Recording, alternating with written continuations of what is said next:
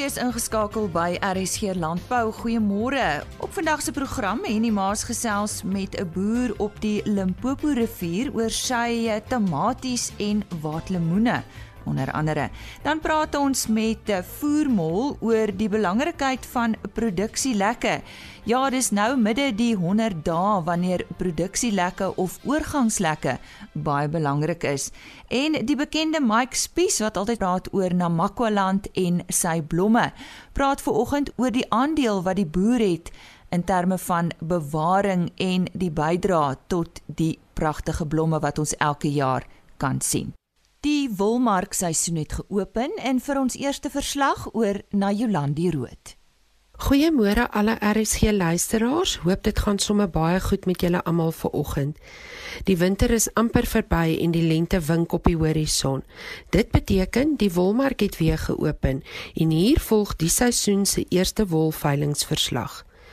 Die wolmark het op 'n briljante noot geopen tydens die eerste veiling van die nuwe wolleweringsseisoen. Die Cape Wools Merino aanwyser styg met 'n asemrowende 12,4% en 2630 punte om te sluit teen 'n waarde van R238,29 per kilogram verskoon wol. Die Australiese EMI het met 3,5% toegeneem. Die Cape Wools alle wol aanwyser verhoog met 12,4%. Die swakker rand was die primêre dryfveer vir die reuse stygings weens die onlangse skerp daling teenoor die Amerikaanse dollar. Nietemin weerspieël die uitmuntende prestasie die volgehoue sterk vraag na Suid-Afrikaanse merino wol oor al die lente en sterkte kategorieë. Uit 12277 bale aangebied, is 98,7% daarvan verkoop. McNaughton Farming van Graafrenet het 'n nuwe rekordprys van R233 ontvang vir 17,2 mikron wol wat bemark is deur BKB en gekoop is deur Standard Wool, wie ook die meeste bale gekoop het te midde van sterk kompetisie altesaam 99,1% van die 12277 bale wat op die veiling aangebied het is verkoop. Die grootste kopers op die veiling was Standard Wool SA met 3983 bale, Modiano met 3965 bale, Lempriere SA met 1421 bale en Stacken & Company met 1153 bale. Die gemiddelde skoonwolpryse vir die seleksie binne die verskillende mikron kategorieë goeie langkamwol tipes was soos volg. 18,0 mikron styg met 13,1% en sluit teen R272,35 per kilogram. 18,5 mikron neem toe met 14,0% en sluit teen R259,59 per kilogram. 19 mikron verhoog met 12,2% en sluit teen R250,74 per kilogram. 19,5 mikron versterk met 14,1% en sluit teen R247,54 per kilogram. 20 mikron is 14,9% op en sluit op R246,65 per kilogram. 20,5 mikron is 13,9% sterker en sluit op R239,41 per kilogram. 21,0 mikron styg met 12,8% en sluit op R241,68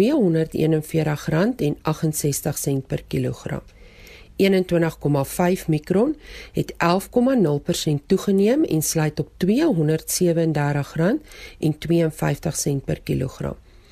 22 mikron styg met 15,5% en sluit op R237,51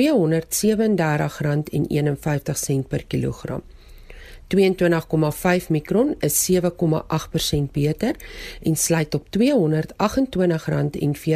per kilogram. Die volgende veiling vind plaas op 22 Augustus wanneer plus minus 8589 bale aangebied sal word. Volgroete tot dan. Ons sê baie dankie aan Jolandi Rood.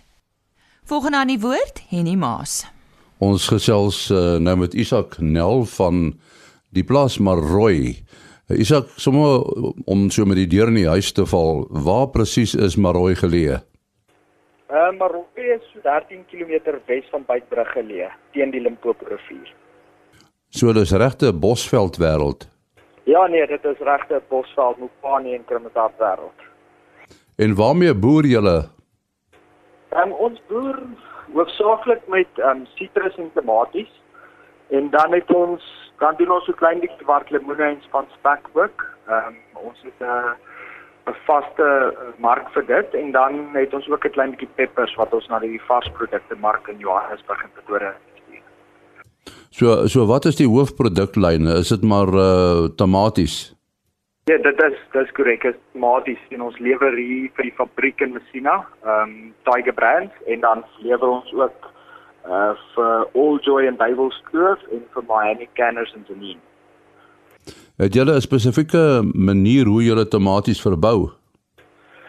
Nee, nie regtig nie. Ons gebruik die ou tradisionele manier. Ehm um, twee 2 meter ridges uitmekaar uit, uh lekker hoë ridge en dan plant ons ehm um, ons weertoestande hierso maak dit vir ons baie gunstig dat ons kan tomaties plant in die tye wat ander mense nie kan nie.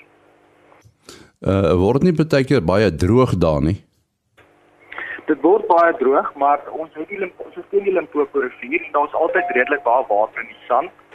Ehm um, hier teen einde Julie begin ons altyd uh grawe in die rivier, uh, sandputte te grawe, dan ja, dan pomp ons daaruit. En dan het ons 'n paar boorgate as dit nou regtig of as dit nou regtig knyp, gebruik ons boorgate ook. Dan kan ons boorgate gebruik.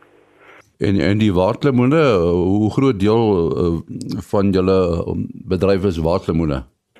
Uh, ons plant in die jaar plant ons 'n totaal van so 80 hektaar waterlemoene. Uh dit is vir uh, into food wat basies die die waterlemoene dan verwerk en opsny vir vrugtebakkies wat na hoëes toe gaan en wat ook uitgevoer word um Engeland toe. Die oorskot daarvan wat bo ons programme stuur ons varsprodukte mark. So uh, is daar spesifieke kultivar wat jy gebruik?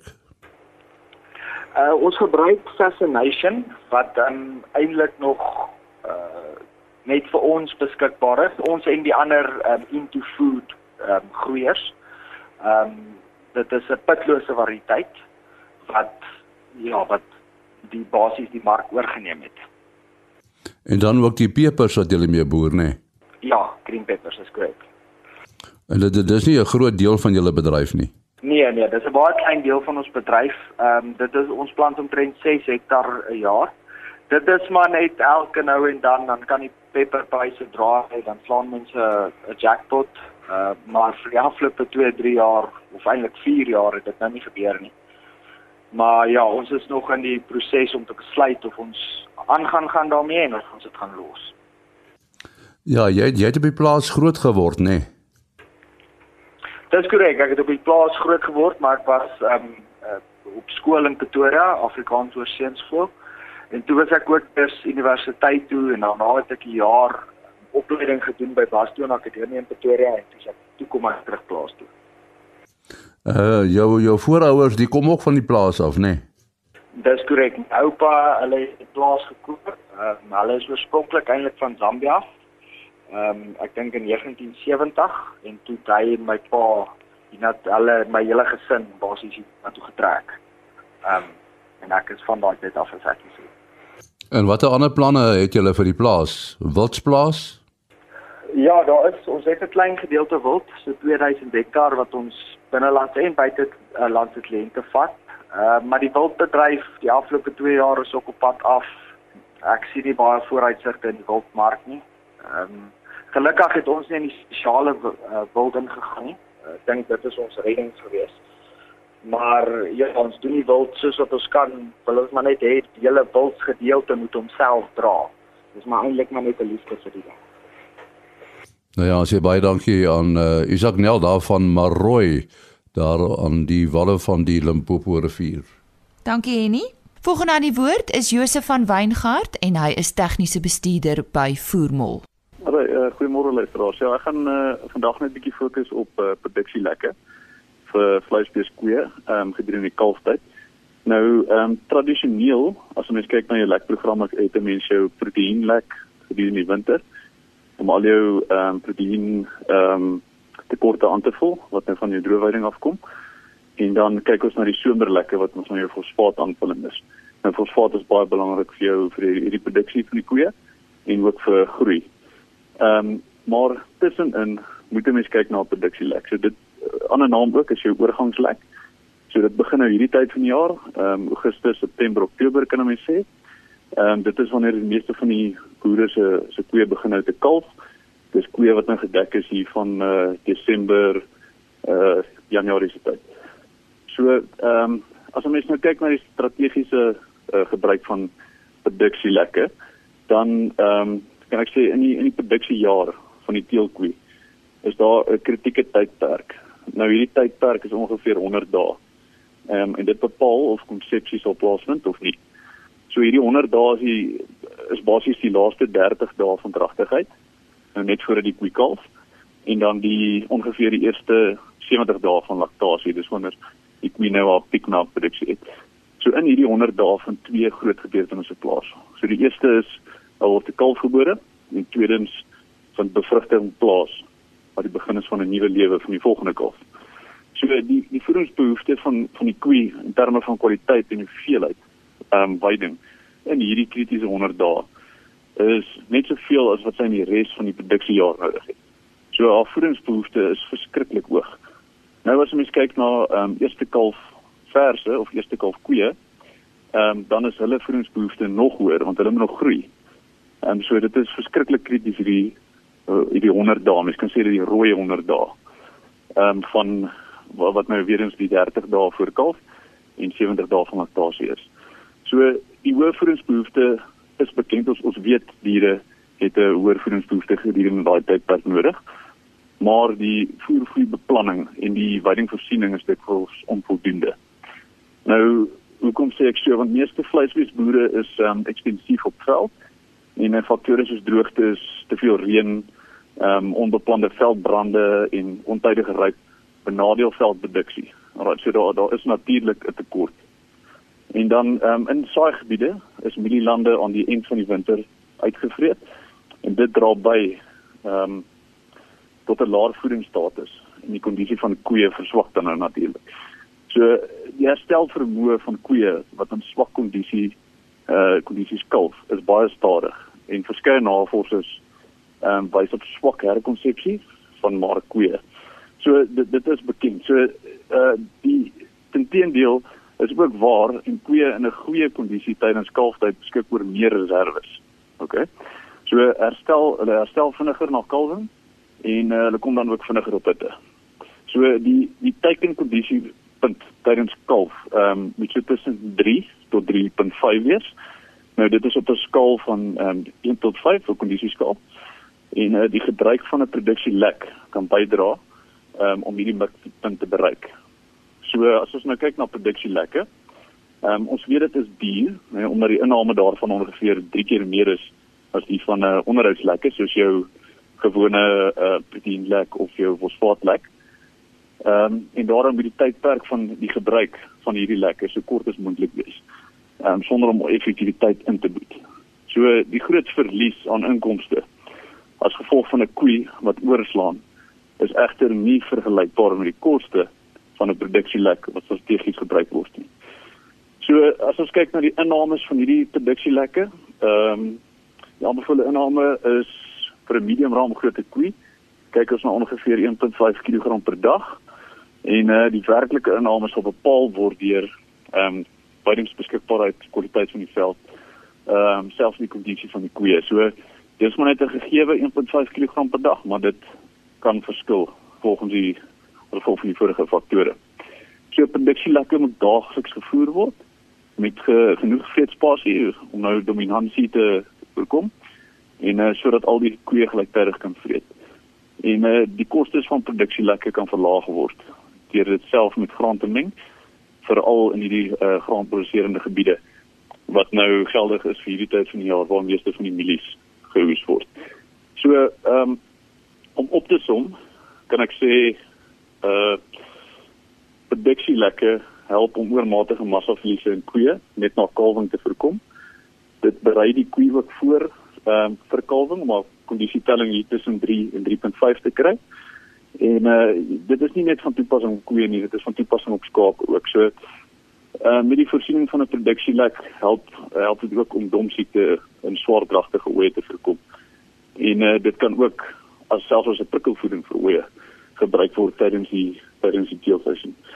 So ja, mens moet ehm um, bietjie uitbrei van die tradisionele lekprogram en kyk na 'n drie fase lekprogram vir optimale diereproduksie.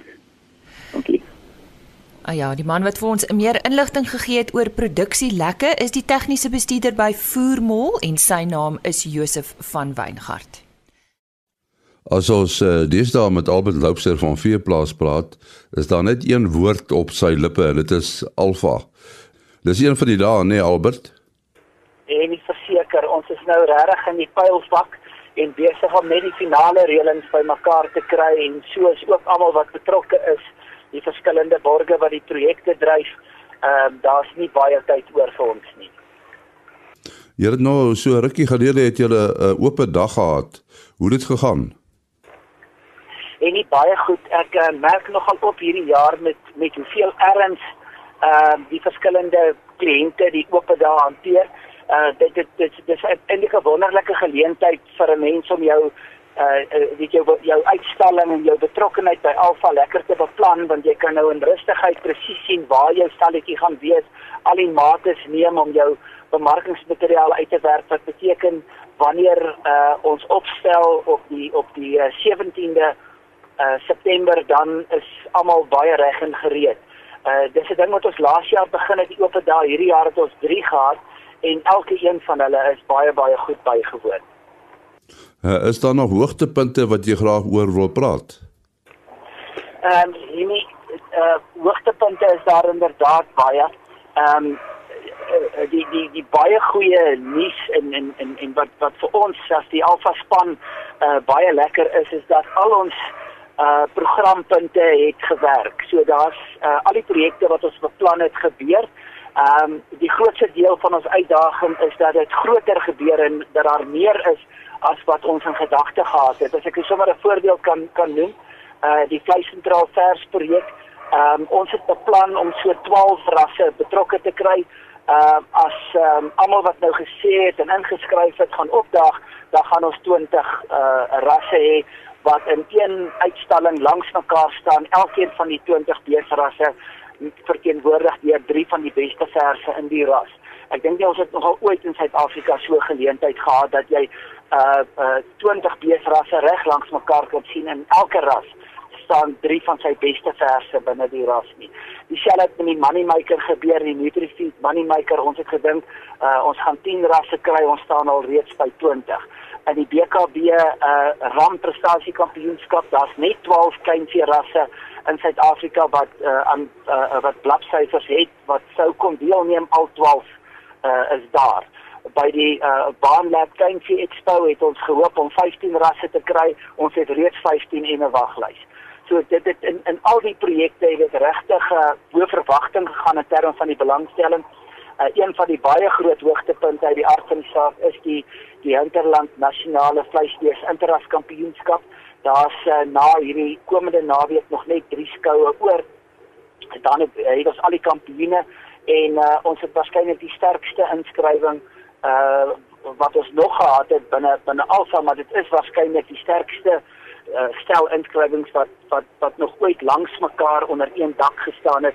Ons gaan waarskynlik hier by die 20 studiere verteenwoordigend van agt verskillende rasse langs mekaar hê wat die beste genetika in Suid-Afrika verteenwoordig vir die vir die rasse wat wel skou. Uh Sernik se jeugslag ons kampioenskappe ses skole hierdie jaar hulle eie diere gevoer en hulle bring hulle eie diere alfa toe om aan die karkas kompetisie deel te neem op dieselfde reëls as wat kommersiële landbou dit doen. Uh ook wat die skole betref, ons het uh, 12 skole genooi en 12 skole kom uh wat die universiteitsprogram betref, het daar plek gewees vir drie universiteite om elkeen 10 studente te skryf. Ons het reeds die 10 vol en ons het 'n waglys van omtrent 5 elk by elkeen van die universiteite. As jy nou die die die model, die alfa model neem, is daar 'n vergelykbare skou elders in die wêreld? Ek dink nou aan Suid-Amerika, Argentinië, Brasilië of elders. Ja, en nie beslis. Uh, ek moet baie eerlik sê, ek dink een van die van die goed wat 'n mens in die lewe moet besef, is almal kan nie die wiel self uitvind nie. So ons het baie moeite gedoen om te gaan kyk wat gebeur in die wêreld en daar is inderdaad uh, soortgelyke geleenthede en ons het uh, uh geleer by wat hulle doen. Ehm um, byvoorbeeld in in Australië se Beef Australia was hierdie jaar, is elke 3 jaar, maar hierdie jaar was was weer so 'n jaar, is 'n fantastiese lewendawe geleentheid. In Frankryk is daar jaarliks die Chemay uh fees in in in die provinsie Limousin in Frankryk waarskynlik die grootste lewendawe geleentheid in in Europa en uh, uh Argentinië is dit La Ruelle en in in Buenos Aires daar gaan maklik 300 000 mense deur daardie geleentheid in 2 weke maar ook baie sterk vee gefokus. So nee, ons het inderdaad gaan kers opsteek. Um in Suid-Afrika is 'n uh, 'n uh, uh, Nampo 'n fantastiese geleentheid. Uh uh dis nogal interessant as 'n mens met met die mense in die wêreld praat, dan besef 'n mens eers hoe hoë uh, statuur Nampo in die wêreld het. Ehm um, maar dan is dan is dit ook die Agri Expo, uh Livestock Expo wat wat aangebied word in in die in die Weskaap wat ook 'n lewendawe geleentheid is. So ek dink Suid-Afrika is bevoorreg dat ons uh, baie goed verteenwoordig is en kan saampraat met die met die wêreld in terme van ons geleenthede. So jy praat van die wêreld uh ek dink ons het in die verlede al geraak uh, oor buitelandse belangstelling. Uh, hoe lyk die buitelandse belangstelling? Ehm um, en dit dit bly vir my uh die punt wat ek nog graag groei op sou wou sien.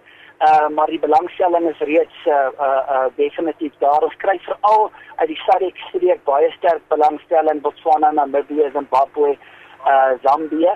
Ehm um, daar kom ook 'n 'n 'n klomp besoekers van Nigerië af, so uit Afrika en dit is ons uh, alverstanders vir die African Livestock Trade Fair.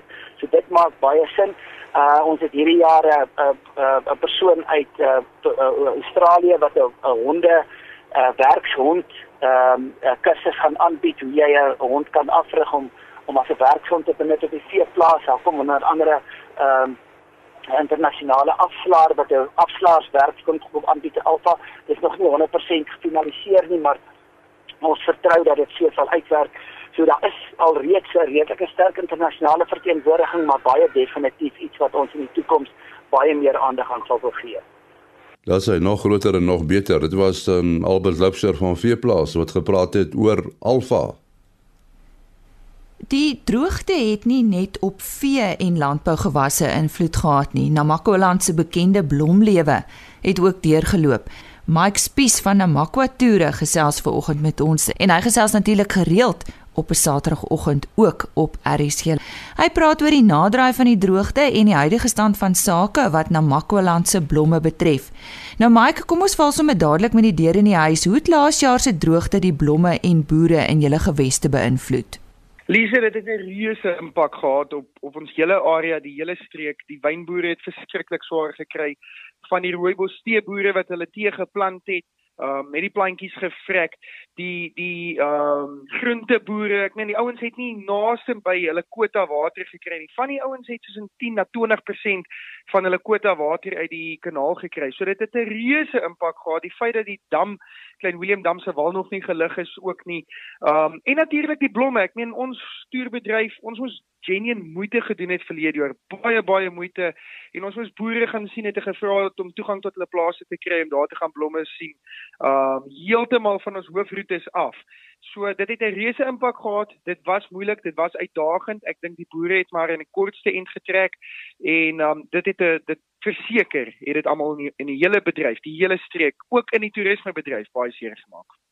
Mike, hoe lyk die blomme nou na die droogte? Kon die veld vinnig herstel vir 'n goeie blomseisoen? Lise, weet jy, dit is dis 'n interessante ding.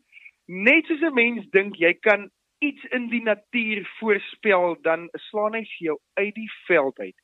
Verlede jaar se droogte het sal jy nie sê het enige impak op 2018 se blomme nie. Die blomme op die oomblik is enorm goed. Dit is fenomenaal, dit is besonder. Um dit is amper asof die blomme nou hulle beste voorbring na die droogte. Nou ja, baie van die boere gaan nog die impak vir 'n paar jaar voel. Die wingerd byvoorbeeld van die wingerdstokke vat tussen 3 en 5 jaar om te herstel na so droogte. Maar um, wat die blomme betref, moet ek vir jou sê, uh, voel dit vir ons soos een van die beste jare ooit. As ons net kyk na die wil area, die Bido Vallei. Um, ons was nou verlede week in in dele van die Kamiesberge en die Ceder ag in die die Namakoland se klipkop, ekskuus. Um daarso lyk die blomme beter as in die laaste 10 jaar. Um op sekere plekke moet ek ook bysê. Ek net nie reënval val nie reg deur deur die bank oral dieselfde nie, maar um blomme kapitaliseer so half op oorbewyding, op versteuring, so daar waar byvoorbeeld verlede jaar 'n saailand was en hierdie jaar word die land laat rus, daar kom die beste daisies en blomme op. So dit is van die beste plekke natuurlik om blomme te gaan kyk. Hoe groot is die area waar blomme ge gesien kan word? Weet jy, dit is nogal 'n baie interessante vraag Lise, want ehm um, party mense is onder die indruk dat dit net Namakwaland is en Namakwaland as sulk self het vyf streke. Dit begin onder by van Reinsdorp, dit sluit in die Knersvlakte, dan noord van dit lê dit lê die Hardeveld, dit sluit in dorpe Bitterfontein en Nieuweris tot suid van Garries. Ehm um, en dan uh, Garries begin die Namakwaland se klipkoppe tot aan die kant Springbok en noord van die Namakolandse klipkoppe kry ons die Rigtersveld en altyd die kus langs van die Oranje riviermond tot die Olifantsriviermond lê die kusvlakte van Namakoland en die ou daardie mense gepraat van die Sandveld. Maar dit is nie die enigste plek waar blomme is nie. Nieuwoudtville is die bolplant hoofstad van die wêreld en die meeste bolplante ter wêreld um, kom op Nieuwoudtville voor of laat ek eerder so stel, geen ander plek in die wêreld het meer bolplant spesies nie. Ons het die um, Handtam Karoo, Calvinia se blom blomme op die oomblik is pragtig. Ehm um, dan is daar die Olifantsriviervallei, die Cederberge, die Bidouwvallei, die Sandveld langs die Weskus en die Weskus self, sowel as die Swartland.